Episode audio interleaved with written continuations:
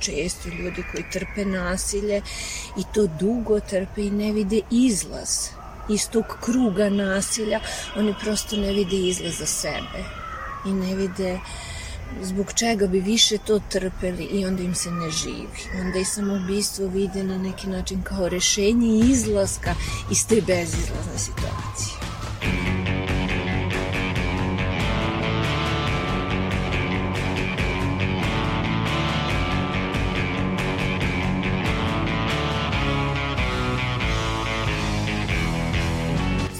Podcast Reaguj, nezavisnog društva novinara Vojvodine.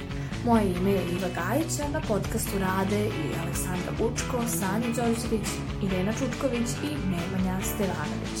U 28. epizodi govorit ćemo o nasilju u porodici za vreme pandemije, ali i šta možemo da uradimo da bi pomogli nekome ko je pretrpeo nasilje. U periodu od 1. januara do 30. juna mediji su izvestili o smrti 21 punoletne žene i 11 napada na žene u porodično-partnerskom kontekstu, što znači pokušaj ubistva, nanošenje teških telesnih povreda i slično, koji su takođe možda mogli imati smrtni ishod. Sve žene poznavale su učinioca. U odnosu na mesto ubistva, devet žena ubijeno je u kući koje je delila sa nasilnikom, jedna u sobstvenoj kući, a četiri u drugim prostorima. Proglašenje vanrednog stanja i policijski čast je primoralo žene koje preživljavaju nasilje da borave sa nasilnicima kod kuće i po 72 sata bez mogućnosti da potraže pomoć. Naročito je zabrinjavajući da je žena koja je pokušala da prijavi nasilje tokom trajanja policijskog časa kažnjena, a da su u period početka i kraja vanrednog stanja obeležili slučajeve femicida koji ukazuju da institucije nisu postupile sa dužnom pažnjom, navodi se u polugodišnjem izveštaju Autonomnog ženskog centra. Mirjana Mitić iz Autonomnog ženskog centra kaže da se u periodu nakon vanrednog stanja najviše žena obratilo za pomoć putem SOS telefona.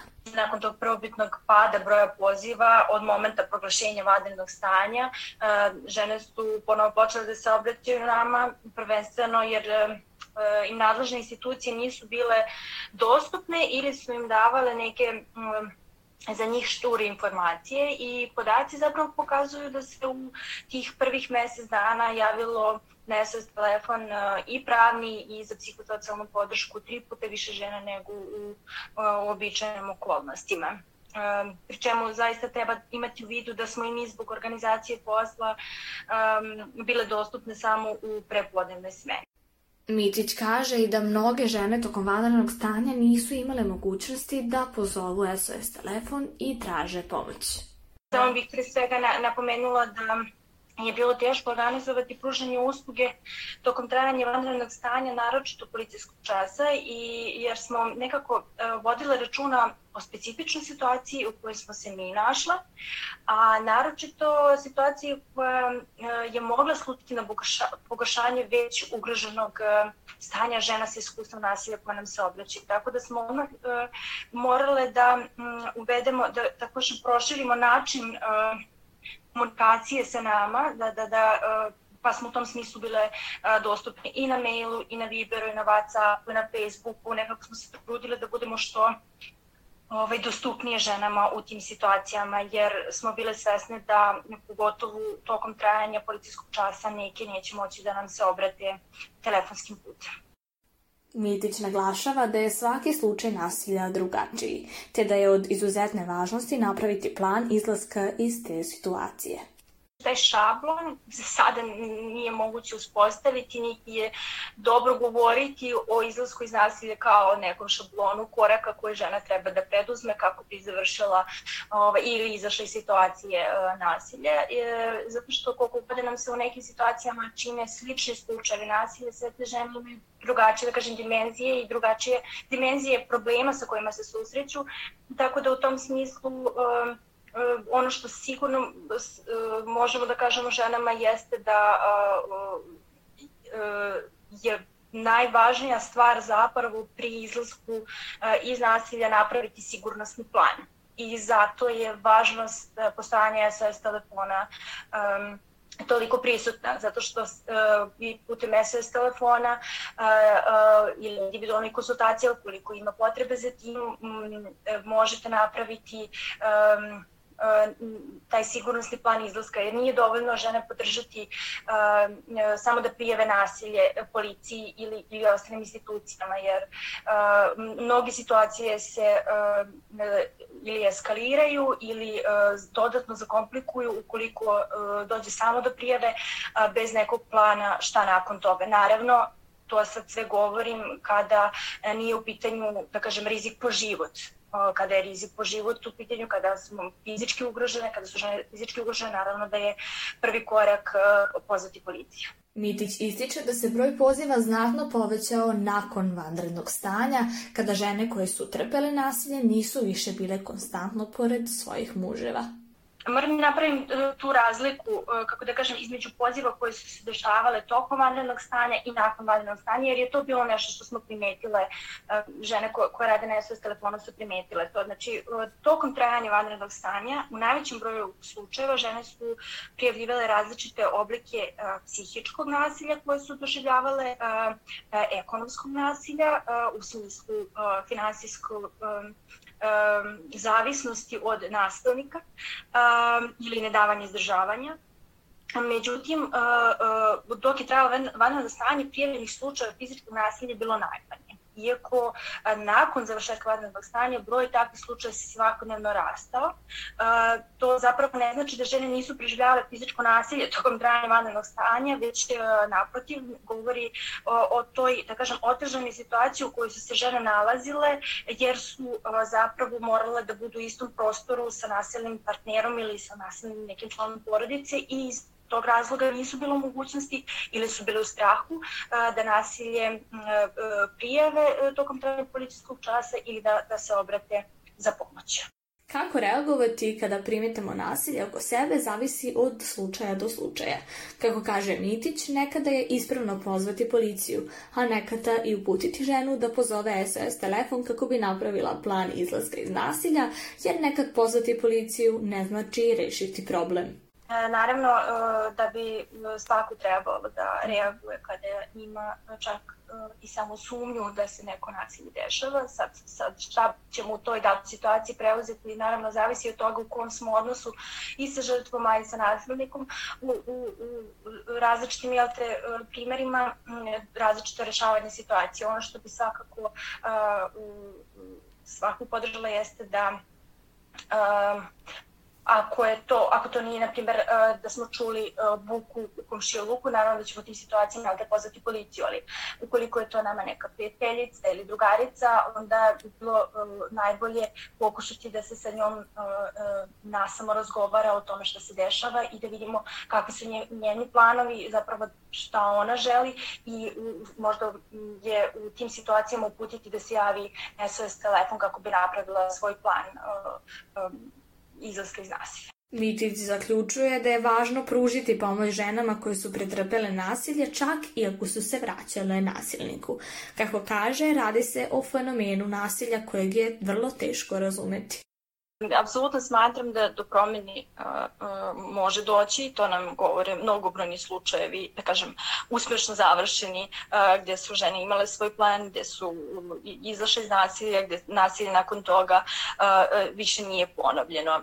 Ali šta je zapravo bitno? Um, imati na umu da je to uh, fenomen nasilja i uh, statistički podatak da se žene uh, nasilniku vraćaju od 7 do 11 puta i zato je toliko teško i razumeti taj fenomen jer uh, često se dešava da kada se žena jednom vrati nasilniku, ako je u prvoj situaciji e, pri izlasku iz nasilja imala svu podršku, onda joj se sva vrata zatvaraju.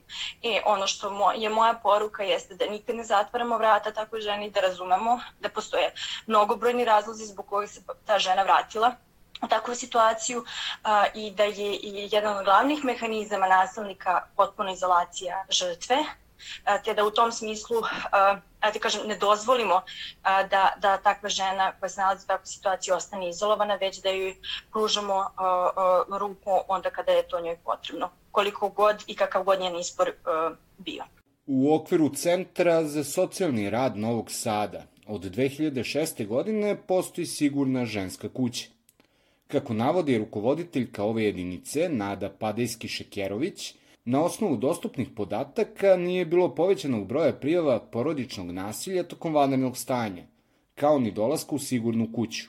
Kada se poredi broj i struktura prijava nasilja u porodici Centru za socijalni rad grada Novog Sada, čiji je ona ženska kuća organizacijni deo, u periodu vanrednog stanja, dakle od 15. marta 2020. do 7. maja ove godine, sa istim periodom 2019. godine, naši podaci pokazuju da je protekle godine od 15. marta do 7. maja bilo 276 prijava nasilja u porodici, a ove godine 212 prijava.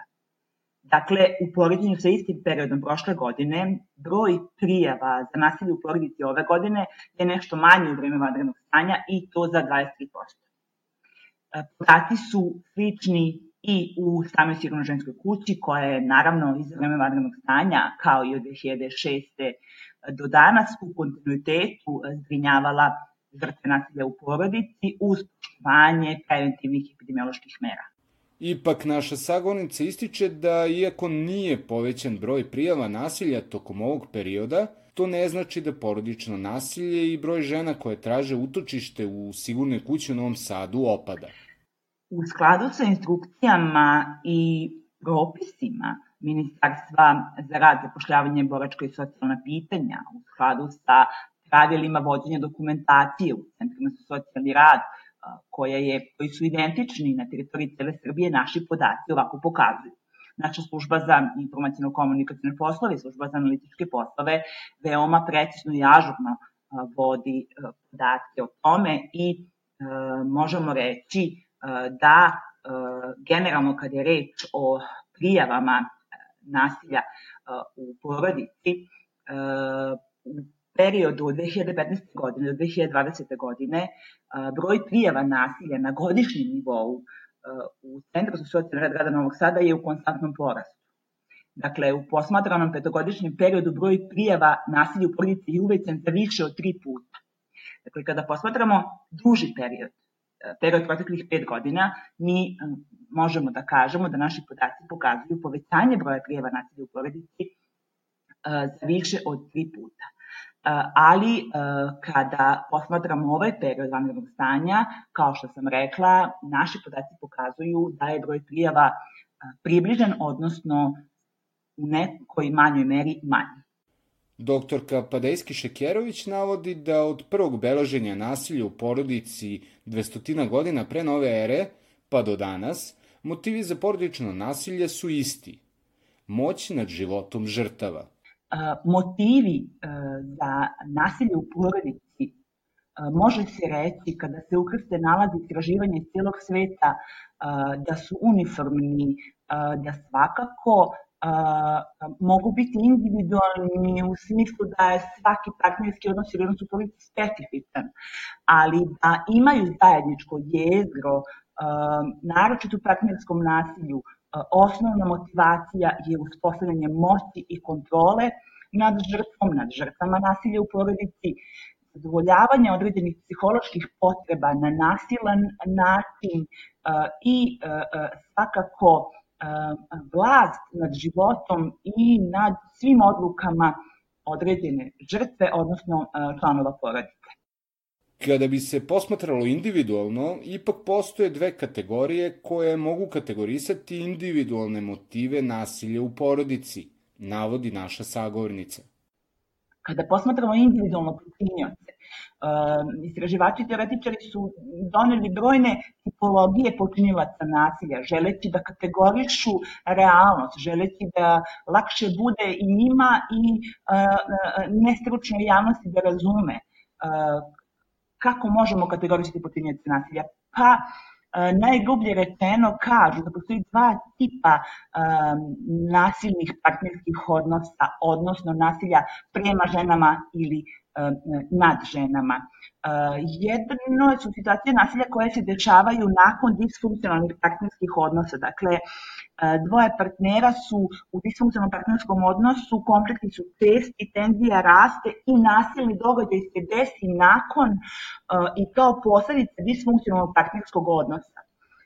drugi tip nasilnih odnosa o kom govore teoretičari, odnosno nasilja najčešće muškarca prema, prema ženi, je ono što se smatra hroničnim, kontinuiranim, višegodišnjim, intenzivnim uh, partnerskim nasiljem makog oblika, bilo to psihološko, seksualno, ekonomsko, uh, fizičko nasilje ili uh, nasilje nekog drugog tipa, materijalno nasilje ili latentno nasilje. Kada je reč o sprečavanju porodičnog nasilja, bez obzira da li je žrtva spremna na prijavu ili ne, društvo i bliske osobe žrtava porodičnog nasilja moraju imati na umu da bespogovorno moraju pomoći žrtvama, a ne stajati po strani ili sprečavati prijavu. Mi kao zajednice, kao društvo možemo mnogo da uradimo.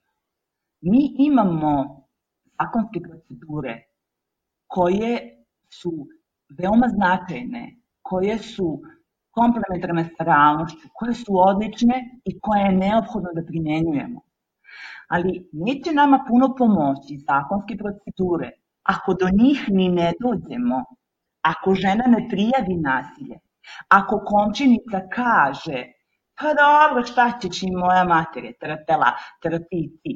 Ako majka kaže mladoj ženi koja trpi nasilje, koja osjeća znavi da to nije u redu, kaže pa šta si posejala, to ćeš požnjeti.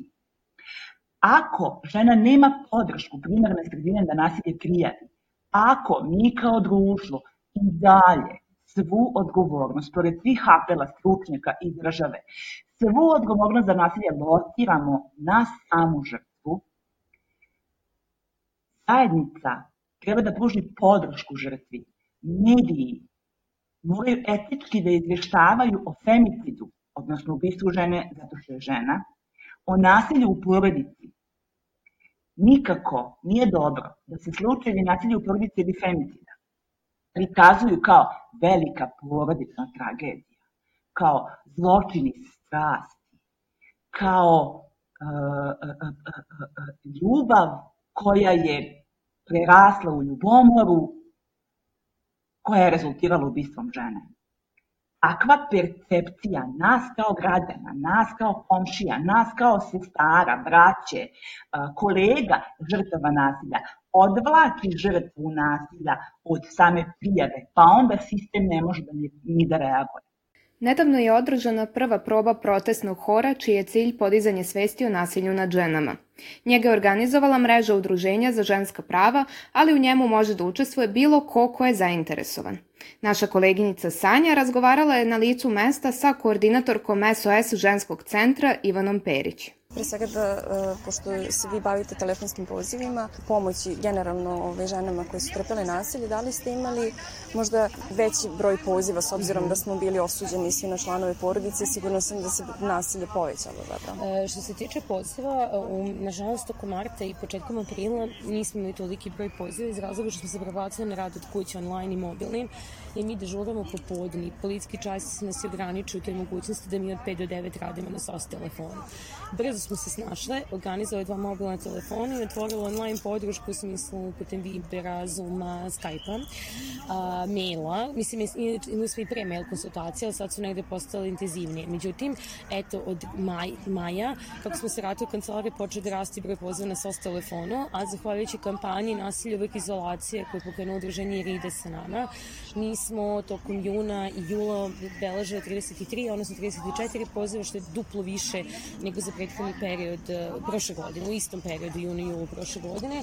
Samim time broj poziva se poveća, nažalost, tako kako sam je očekivala, jer posledice nasilja i trpljenje izolaciji su uh, ozbiljnije, jer su žene više nego pre bili izolovane sa počinijacima, uh, sa manje mogućnosti da dođu do podrške, do resursa, sa većim rizikom ako se nekome obrate za podršku i je tu dolaze od eskalacije nasilja, jer se se rizik od nasilja povećao tokom, tokom pandemije zbog uh, konzumiranja alkohola, psihoaktivnih substanci, finansijskih problemi, samog momenta zapravo izolacije. Izolacija je element nasilja i zato smo i nazvali kampanju nasilje uvek izolacija zato, i onda činimo spoljnu izolaciju tako da ste otvorili vrate nasilju. I negde i Svetska zdravstvena organizacija apelovao na to da će se sa ovom pandemijom paralelno dešavati pandemija porasta nasilja u porodici. Većina zemalja referira duplo ili troduplo veći broj prijeva. Imali smo taj užasan primer da je žena krenula u policiju da prijavi nasilje i e, zapravo je dobila kaznu zbog kršenja Jeste. zabrane. S druge strane, u Novom Sadu smo imali i mi slučaj gde je devojka a, tokom policijskog časa izletela i pobegla od počinioci da su je oni prevezli na sigurno mesto a, kod prijateljice i i motivisali, pokušali da je motivišu da prijevi nasilje, ona nije žela, ali su bili ok. Tako da imamo različiti primjera. Nažalost, da, nije se dovoljno obraćala pažnje na to šta ćemo sa ženama tokom policijskog časa, da li one može biti neki izuzetak, šta ćemo sa ženom koja nema kredita da se javi, da pozove pomoć, nama su stizale SMS, molim vas pozovite, ne mogu da izađu napolje da upatnu, šta ako je u tom momentu u riziku, kako će da izađe, ne radi vam dovoljno socijalne službe, ono socijalni rad, da li idu na teren ili ne, sve to nekako zbog ovih da se zakomplikovano i ne samo žene nasilje, mnogi grupe marginalizovane su ostale nekako u senci od osoba s invaliditetom do roditelja sa deca sa smetnjama u razvoju, ja bih to volila da naglas, nekako nismo bili dovoljno senzitivni za potrebe različitih grupa i jer smo bili nespremni. Nadam se da ako dođe neki drugi taoz da ćemo biti spremni i da delujemo bolje. Šta vas je motivisalo da pokrenete ovaj hor? Pa, u suštini, e, ideja je da okupljamo građani i građanke, evo za sada vidite su ono građanke tu, da zajedno učestvujemo i zajedno i gradimo neku borbu protiv nasilja na ženama. Nije dovoljno ostati i mi u izolaciji da radimo iz kancelarija, neophodno izaći na ulici, neophodno je dati javni, e, javni doprinos, tome probijeti neke tabuje na licu mesta. Ovaj hor je hor koji motivisan samo dobrom voljom da se podigne glas protiv nasilja na ženama i zato je on govorno pevačkog karaktera, upravo kao što ste čuli, negde se bazira na činjenicama, na realnim slučajima, ali tako da su podaci obrađeni i da niko ne može tim da se identifikuje. Znači, cilj nam je da prikažemo šta se zapravo iznutra dešava kod u pitanju nasilje i da motivišemo ljude da budemo nekako više svesni, da više pozorni na to šta zapravo znači nasilje, kakve posledice ostavlja i nećemo se baviti samo slučajima nasilja u porodici, nego generalno nasiljem u društvu, jer nam je cilj da nekako gradimo drugačiju budućnost. I ovde su žene koje su motivisane, aktivne, borbene, hrabre da izađu javni prostor. Jer podsjetio bi da svaka druga žena doživi neki oblik i neko iskustvo nasilja i mislim da je ovo što se tiče svih nas. Ali isto je da su dobrodošli muškarci da budu deo ovog. Ova grupa će rasti. Nikome ne pripada ničije ideje da se okupljamo. Nasilje u porodici ukoliko se trpi i ne prijavljuje može da navede i do razmišljanja o samoubistvu koje žrtva vidi kao jedini izlaz, navodi Katarina Stojanović-Kostić iz Centra za prevenciju i podršku prevenciji samoubistva Srce često ljudi koji trpe nasilje i to dugo trpe i ne vide izlaz iz tog kruga nasilja, oni prosto ne vide izlaz za sebe i ne vide zbog čega bi više to trpeli i onda im se ne živi. Onda i samoubistvo vide na neki način kao rešenje izlaska iz te bezizlazne situacije. Nasilje u porodici intenzivnije utiče na pojedinca u odnosu na druge vidove nasilja zbog toga što je konstantno i zato što dolazi od bliskih osoba, ali i svi ostali vidovi nasilja su opasni po mentalno zdravlje, navodi Stojanović Kostić. Pa jače u tom smislu je konstantno jer se najčešće ponavlja godinama, godinama. Najčešće se krije. E, imate porodice koje kriju e, nekad prosto žrtva i ostari i kaže nikad e, nisam prijavila. Možda oca koji je zlostavljao još u mladosti i to ne znam traje. A i partnera, znači nešto što traje konstantno i ponavlja se, ponavlja se, pa prosto je logično da ostavlja velike posledice. Sad ne bih ja upoređivala šta, mhm. šta ostavlja veće posledice. Sve je traumatično iskustvo i kad neko prvi put u životu doživi nasilje na ulici ili na internetu, to je za njega trauma. Znači, ne treba mi te traume da, da prosto upoređamo jedna je veća i druga manja. Ali prosto ako je nešto češće, ako duže traje, logično je. Sa proglašenjem vanrednog stanja pokazala se i velika solidarnost različitih organizacija i pojedinaca koji su nudili svoju pomoć besplatno ljudima kojima je teško. Centar srce imao je takođe povećan broj poziva. Njima je bilo onemogućeno da sa svojim korisnicima razgovaraju putem telefona tokom policijskog časa. Stojanović Kostić navodi da su psiholozi značajno doprineli pomoći, ali da je i Centar srce koristio maksimum svojih kapaciteta. Po trendu broja poziva, mi sve to zovemo poziv, pozive i kad nam se neko javi na četu i kad nam piše mail. Znači, ova godina mislim da će da bude rekordna. Znači, baš smo imali dosta poziva do sada. I to se i nastavilo. Sad radimo normalno, znači sva tri kanala i mislim da radimo na nekom maksimu. Koliko god možemo da postignemo, mislim da je još veća potreba. I sad pomogli su, pomogli su i druge organizacije, psiholozi i nevladine organizacije. Naravno, jeste bilo rasterećeno zato što je stanovništvo prosto imalo potrebu. Razgovor sa osobom koja je u problemu može da bude najbolji lek. Njemu treba da se pristupi oprezno sa razumevanjem, ali da se od njega ne zazire. Razgovor o teškim temama ne treba izbegavati jer će ono doprineti osjećaju usamljenosti žrtve. Ukoliko se ne osjećamo dovoljno sposobnim da pomognemo osobi, možemo joj bar preporučiti kome da se obrati za pomoć, objašnjava Katarina Stojanović-Kostić. Neki ljudi prosto smeju da se suoče s tim, nekima je ta tema strašna. Ja ne bih htjela sada da osuđujem ni e, ljudi iz okoline koji se nekad uplaše prosto. Ali je važno da i njima kažemo i da i oni znaju da tim svojim pitanjem, pričanjem o tome neće e, da pogoršaju stvari da je osobi toliko teško i da je često to u stvari zataškavano, da joj svi, kad ona i proba s nekim da priča o tome, svi kažu, jo, nemoj da misliš o tome, nemoj da ti pada na pamet, gde ćeš, ma kakvi život je lep, ili ćuti, ćuti, nemoj. I ona u stvari njoj još gore. Ona se osjeća još usamljenije, onda je grize savest, onda pomišlja pa možda je stvarno nešto strašno, mislim, to niko dru, nikom drugom ne pada na pamet. I prosto taj začarani krug je još začaraniji i još je ono, u stvari u tom svom problemu još usamljenije a kad ima prilike da nekom ispriča, kad ima prilike da vidi da je taj neko razume, da je čuje, da mu je stalo do nje, da je ne osuđuje, da ne kaže jo to je greh, to je strašno, nego prosto e, ne da kaže e super je to, nego prosto svojim stavom da kažem meni je razumljivo da se ti tako osjećaš kad si u takvoj situaciji prosto. I osoba to kad oseti prosto sa druge strane, ona se osjeća rasterećena. I lakše je prosto.